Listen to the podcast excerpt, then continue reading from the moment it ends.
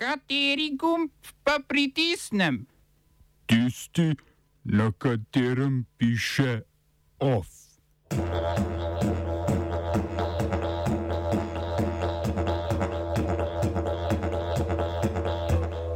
Armenija in Azerbajdžan sklenila premirje po obmejnem obstreljevanju. Ekvador Julienu Assangeu oduzel ekvadorsko državljanstvo. Rusija za obrambo pred talibani povečuje dostavo orožja Tadžikistanu. Umetniški projekt pred Ministrstvom za kulturo po mnenju sodišča ne predstavlja grožne z napadom. V krofu pa COVID in transplantacije organov.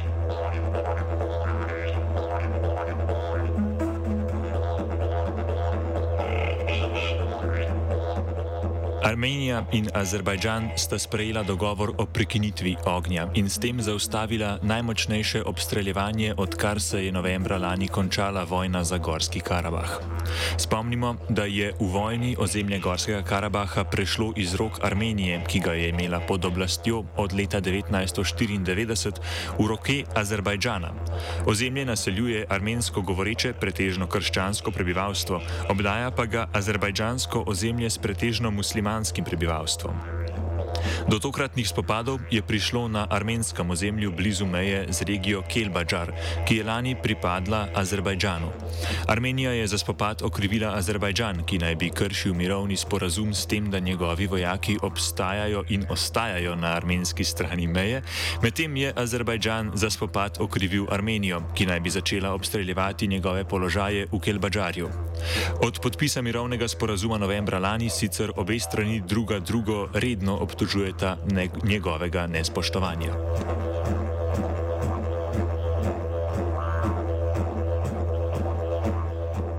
Talibanska delegacija iz Afganistana se je na vabilo Kitajske sestala na skupnih pogovorih. Kitajski zunani minister Wang Yi je talibansko delegacijo pozval naj ukrepa zoper skupino Muslimansko gibanje vzhodnega Turkmenistana oziroma Muslimansko stranko Turkmenistana. Gre za ujgursko džihadistično skupino, ki si prizadeva za vzpostavitev neodvisne države vzhodni Turk Turkestan na ozemlju današnje kitajske province Xinjiang. Gibanje je sicer tesno povezano s talibi in je denimo leta 1999 svoj glavni štab preneslo v Kabul, ki je bil tedaj pod oblastjo talibov.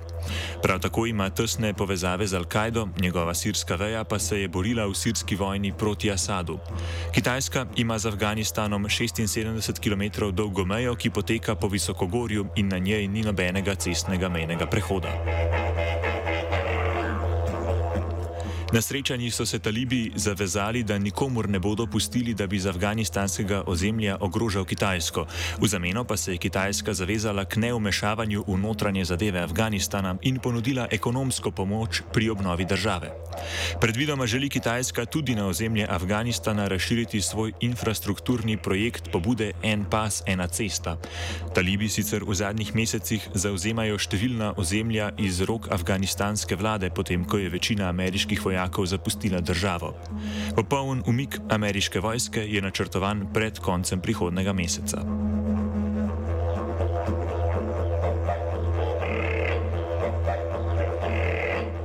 Medtem je ruski obrambni minister Sergej Šojgu Tadžikistanu, ki meji na Afganistan, obljubil dodatno orožje in vojaško opremo ter razširil usposabljanje njegovih vojakov.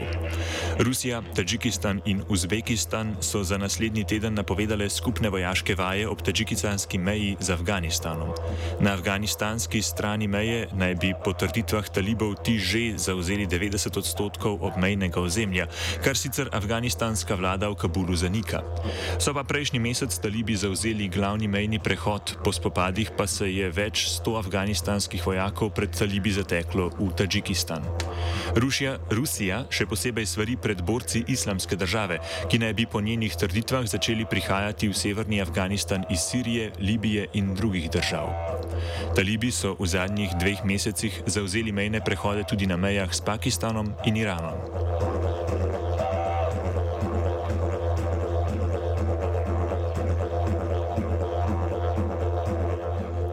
Ekvadorsko upravno sodišče je ustanovitelju Wikileaksa Julianu Assangeu oduzelo ekvadorsko državljanstvo, saj ne bi bila njegova vloga za naturalizacijo nekonsistentna in podpisana z različnimi podpisi, prav tako naj Assange ne bi plačal potrebnih pristojbin. Assange sicer po besedah svojega odvetnika v sodnem postopku ni mogel sodelovati, saj je bil zaprt v britanskem zaporu, kjer čaka odločitev sodišča o izročitvi Združenim državam Amerike. Assange je ekvadorsko državljanstvo prejel leta 2018, ko mu je vlada Lenina Morena kot ekvadorskemu diplomatu neuspešno poskušala omogočiti izhod iz ekvadorskega veleposlaništva v Londonu. To mu je zagotavljalo zatočišče pred aretacijo britanskih oblasti vse do leta 2019 ko mu je Ekvador oduzel politični azil. Prav Morenova vlada je tudi sprožila postopek na upravnem sodišču za oduzem Assanževega državljanstva.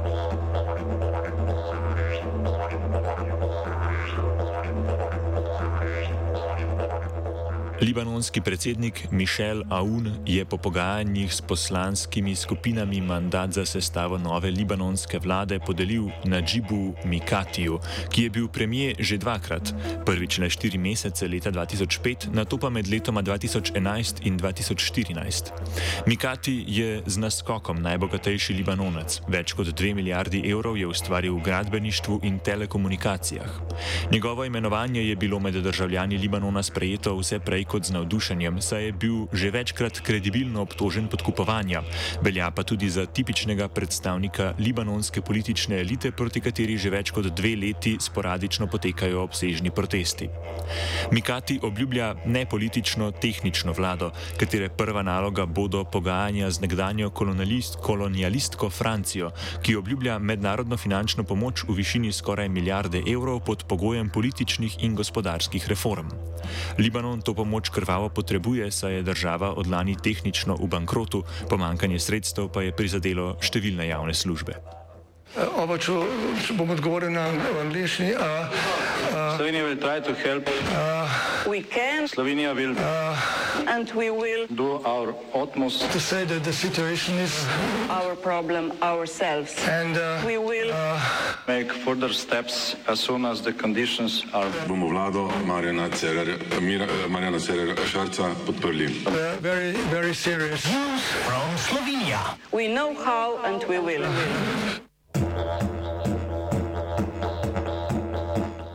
Sodišče je zavrnilo kazansko vadbo proti delavkam in delavcem v kulturi, ki so oktobra lani pred Ministrstvo za kulturo postavili mize in stole oblite s krvjo.